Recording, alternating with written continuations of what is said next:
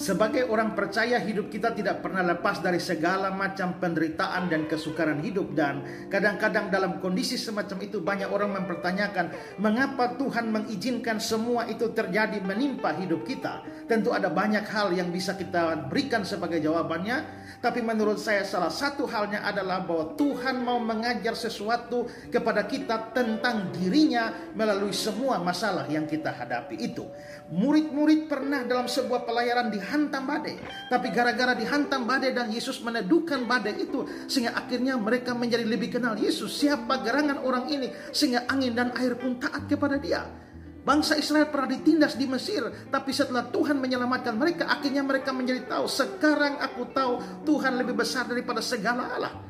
Begitu juga Naaman, itu pernah kena sakit kusta, tapi ketika dia disembuhkan, dia akhirnya membuat pengakuan, sekarang aku tahu bahwa di seluruh bumi tidak ada Allah kecuali Allah Israel. Dua Raja-Raja 5 ayat 15. Demikian juga anak perempuan atau janda di Sarfat itu mati dan akhirnya dibangkitkan sehingga dia akhirnya membuat pengakuan, sekarang aku tahu bahwa engkau abdi Allah dan firman Tuhan yang kau ucapkan itu benar.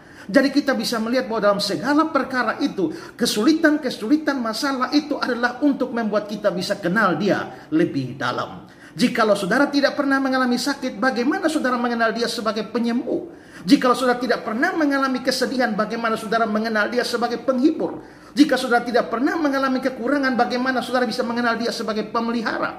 Jika saudara tidak pernah mengalami ketakutan, bagaimana saudara mengenal dia sebagai pengawal? Jika saudara tidak mengalami, pernah mengalami bahaya, bagaimana saudara mengenal dia sebagai penjaga? Jika saudara tidak pernah mengalami kesendirian, bagaimana saudara mengenal dia sebagai sahabat? Jika saudara tidak pernah mengalami kebimbangan, bagaimana saudara bisa mengenal dia sebagai penasehat? Jika saudara tidak pernah mengalami segala macam tuduhan, bagaimana saudara mengenal dia sebagai pembela?